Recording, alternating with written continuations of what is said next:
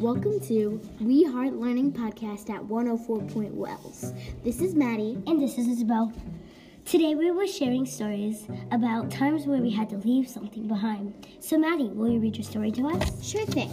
My story's called Leaving. I strolled into the living room and spied my mom on her computer. What is she doing? I wondered. What's going on? I asked. I'm looking for a new job, my mom replied. I tried my best to act normal, but that was not how I felt. The next day, my stomach felt as if it was going to explode and I would explode with it. I knew I was going to have to tell Ellison I was moving schools next year. Every moment I tried to tell her, it seemed like the wrong time. Then came the perfect time to tell her lunchtime. I'm moving schools, I blurted while Ellison chomped on her brownie. No way, she laughed. It's just a late April Fool's Day joke, she decided. Finally, Ellison began to believe me. The days flew by until the last day of school. I felt sad but excited at the same time. Luckily, I had the best day ever with my friends, but even the best days have to end, and the happiness and excitement left and sadness came. I was worried about two things Ellison being mad at me for moving schools. Also, I was worried that I would be all lonely at Wells, but none of those things went wrong. Things may be different, but I love Wells.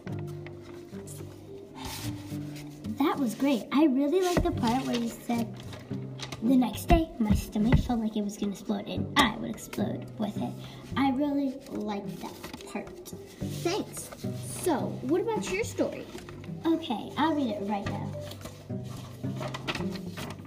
My story is called Moving Away Home.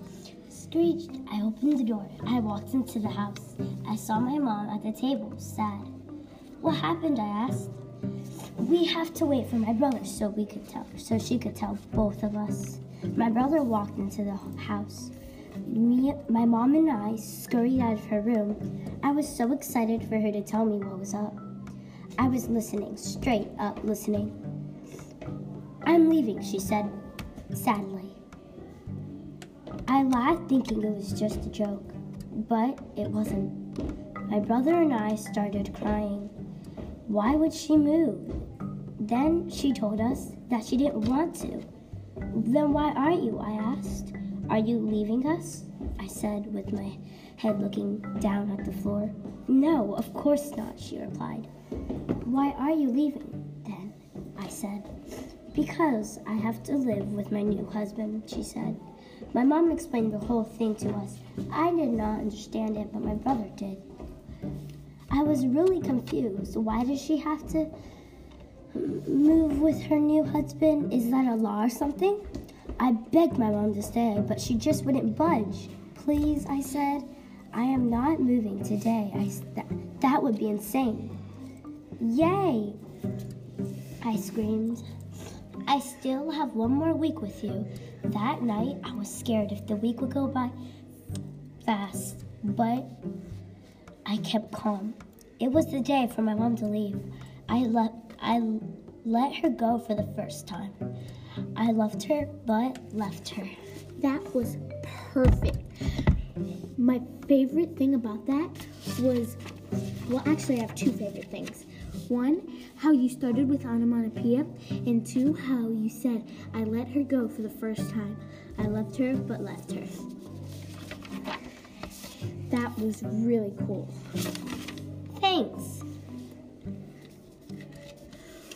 And honestly, it's really hard to leave something behind.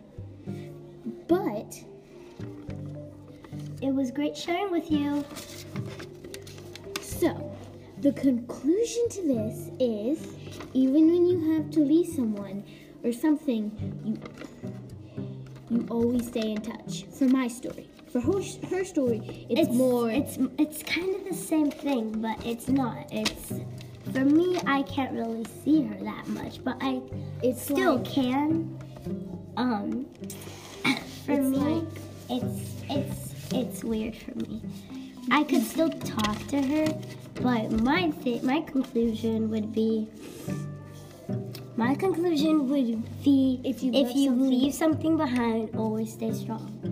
That, and if you love something, you have to let them go. Or Yeah. someone. Well, that was our podcast. This has been so much fun. Thanks for listening. Bye. Wait, this was Maddie. And this was Isabel. Bye.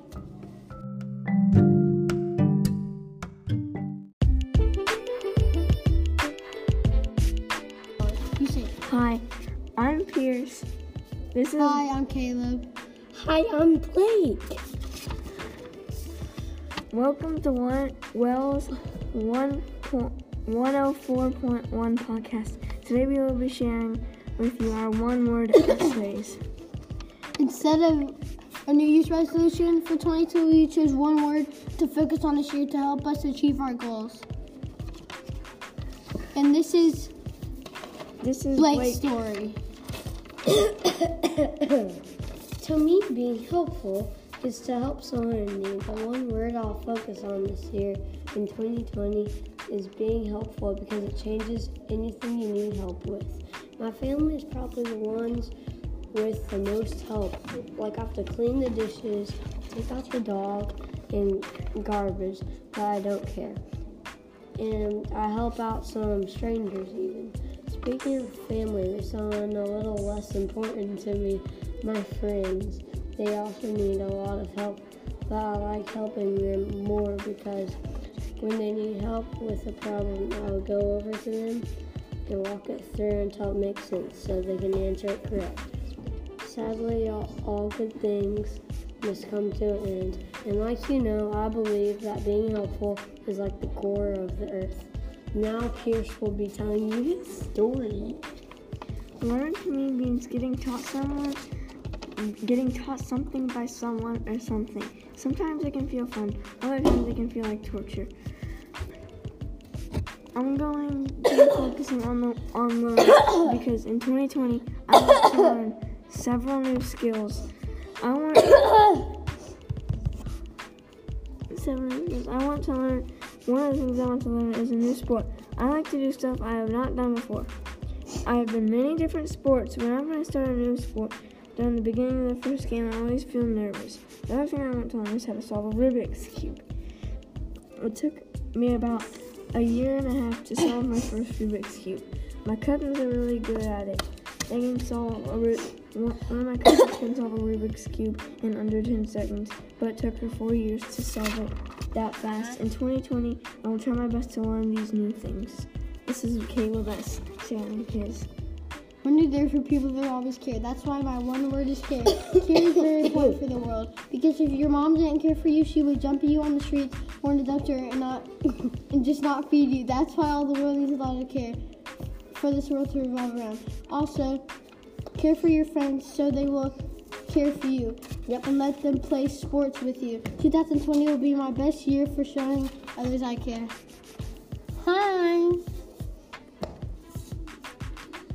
Blake, why did you choose the word helpful?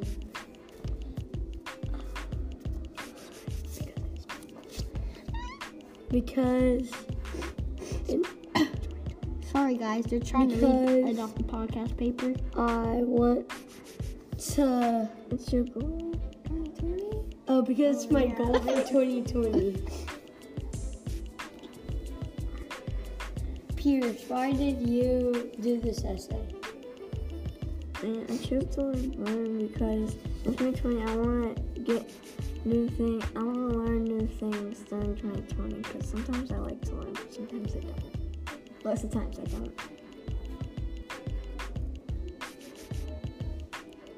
When are you helpful, Blake? Whenever I get a chance.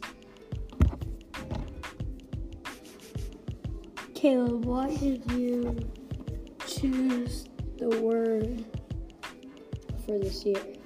Why did you choose the word caring? For this year. I Forgot the pop. Uh, I chose the word caring because caring, caring for people is very important for them to care for you back and help you with everything. Pierce, when do you learn? Um, most of the times whenever I can get a chance. Caleb, when when do you care for other people? Uh, like right now, I care for my friends, and uh, whenever I get a chance. And we are wrapping it up. Bye bye. Bye bye. Hi guys, I'm Pierce. I'm Cade. We're we're gonna be reading you our personal narratives that gave us fears and then we overcame them. Okay. Pierce, So- why won't you read your story first? Okay, I'll read mine. My teeth chattered as I stuttered and told my friend, I can't do this. Give it a chance, he said. We walked up the stairs five more steps. I saw the person going, the platform yanked out from under them. I said, Nope, can't do it, then darted down the stairs. My friend said, Get back up. My friend darted down the stairs. My friend said, Get back up there. It was a blast. He went back up the stairs as he dripped with water. I was thinking, can I do it? Yes, I can. I slowly walked up the stairs and found my friend going down. Then I heard, I heard, hi. My friend was behind me. I'm gonna do it. I told him. I slowly walked up to the capsule. My heart was pumping as fast as a cheetah running at full speed. The platform yanked out from under me. I was zooming down the slide as fast as I could as a race car. I got down and and I waited for my friend. I want to go again, I told him. And then we walked back up the stairs. And then I said, that was a blast. Okay, my topic is the steel eel. Tick, tick, tick, the time flew past as we waited in line. Finally, it was our turn, and my friend, family, and I got on. I was so excited. They came by to tighten our seatbelts. Let's go, I screamed. Then it began. We went down without control. I thought I was going to fall off. It felt like we went up and down a million times. Ah, I screamed, going a thousand miles per hour. I closed my eyes and hoped to survive. Finally, I opened my eyes and calmed down. I started to actually like it. We enjoyed the ride. I put my hands in the air. Woohoo! I screamed. I thought this day would never end. I will always remember remember the time of my life on the steel eel. So, Cade, why did you choose the topic? Why did I choose the topic? Because it was a moment when, when I was scared. Pierce, why were, did you choose to write about water slides? Because it was also a moment when I was scared. Cade, why did you choose a roller coaster? I thought I might fall, fall off. What?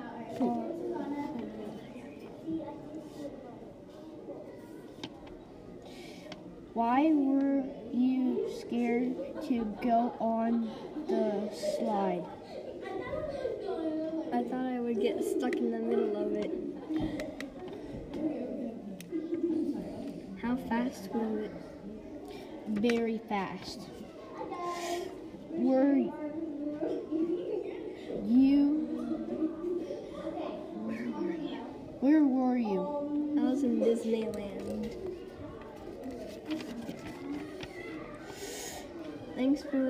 to our podcast.